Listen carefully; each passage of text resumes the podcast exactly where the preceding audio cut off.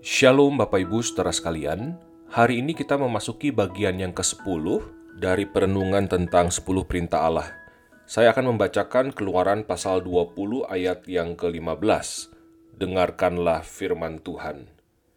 Jangan mencuri. Berbahagialah setiap orang yang mendengarkan firman Allah dan yang memeliharanya. Hosiana.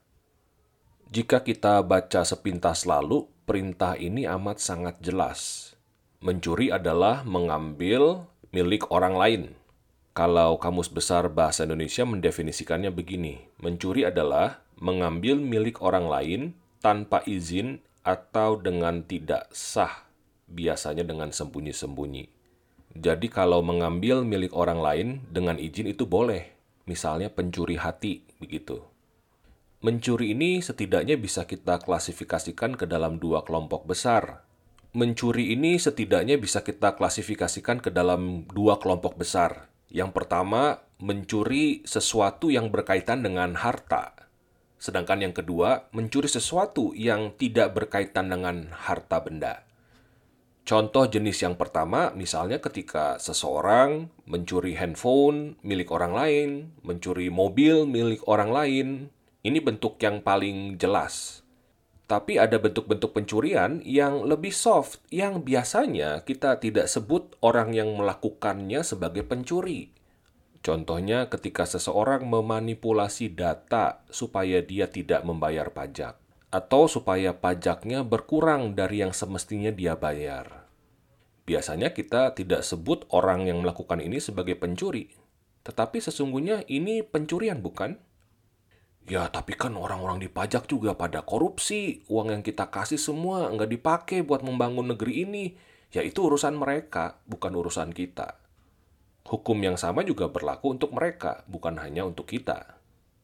Atau misalnya ketika seorang karyawan menggunakan fasilitas kantor untuk membayar lunch meeting, tetapi ya meetingnya sama keluarga misalnya, sama temen.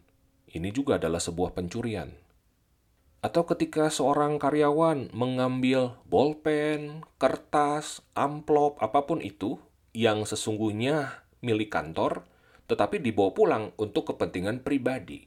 Ini juga adalah pencurian. Tapi jarang sekali kita menyebut orang yang melakukannya sebagai pencuri, bukan? Mungkin ini menandakan hati nurani kita ini semakin tumpul. Kita semakin tidak peka terhadap dosa. Atau bisa juga misalnya ketika sebagai seorang yang mempekerjakan orang lain. Ketika kita misalnya punya asisten rumah tangga di rumah begitu. Ketika kita tidak membayar para pekerja ini sesuai dengan haknya, kita sedang mencuri apa yang menjadi miliknya. Nah, hal-hal seperti ini yang bentuknya lebih soft ini yang perlu kita waspadai karena sering kali di masyarakat hal-hal ini tidak dianggap sebagai sebuah pencurian. Tetapi sesungguhnya kalau kita mau jujur, ini adalah pencurian. Pencurian jenis yang pertama ini yang berkaitan dengan harta benda sebetulnya berakar dari masalah yang jauh lebih mendalam di masyarakat kita. Namanya adalah materialisme. Secara sederhana, materialisme meyakini nilai seseorang itu terletak pada apa yang dia miliki. Jadi, orang yang punya mobil itu lebih bernilai daripada yang tidak punya mobil. Orang yang punya iPhone lebih bernilai daripada orang yang pakai merek handphone abal-abal. Orang yang tinggalnya di kompleks perumahan mewah lebih bernilai daripada orang yang tinggal di gang-gang sempit. Ini adalah pola pikir materialisme yang ditentang oleh hukum yang kedelapan ini. Selain materialisme, hukum kedelapan juga menentang ketidakpercayaan kita kepada Tuhan. Kenapa seseorang mencuri? Sebagian orang melakukannya karena dia tidak percaya bahwa Allah bisa memelihara kehidupannya, sehingga ia merasa perlu untuk melakukan cara dia sendiri, bagaimana supaya hidupnya bisa terpelihara. yaitu dengan cara mencuri.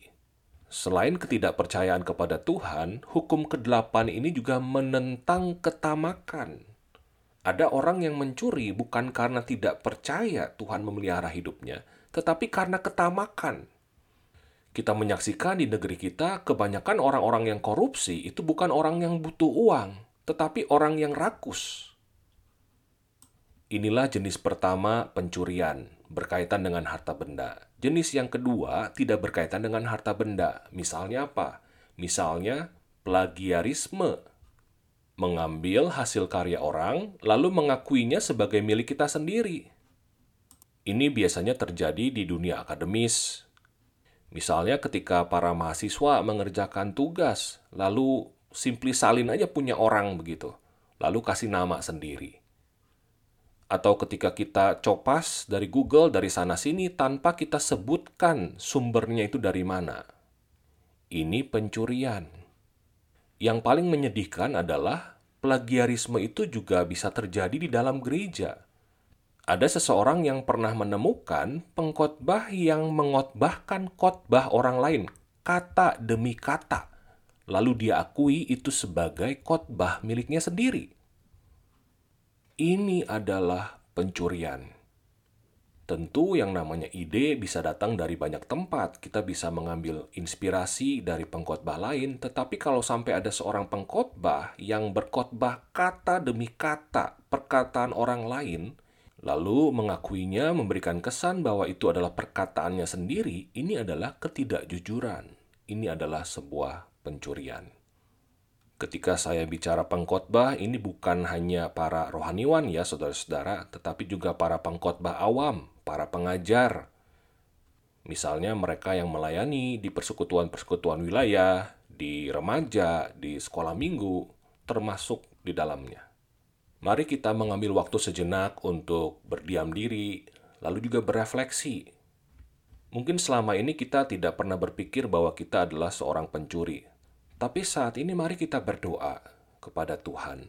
Roh Kudus tunjukkan kalau mungkin selama ini sebetulnya saya melakukan pencurian, tapi saya tidak sadari. Karena yang saya lakukan ini tidak dianggap pencuri oleh masyarakat. Tetapi di hadapan Tuhan, ini adalah sebuah pencurian. Mari kita mohon Tuhan menerangi hati kita, menunjukkan kepada kita kalau kita telah bersalah dan kita mohon ampun kepadanya dan kita mohon juga supaya Roh Kudus memampukan kita untuk menghidupi hukum yang kedelapan ini. Tuhan memberkati kita semua. Amin.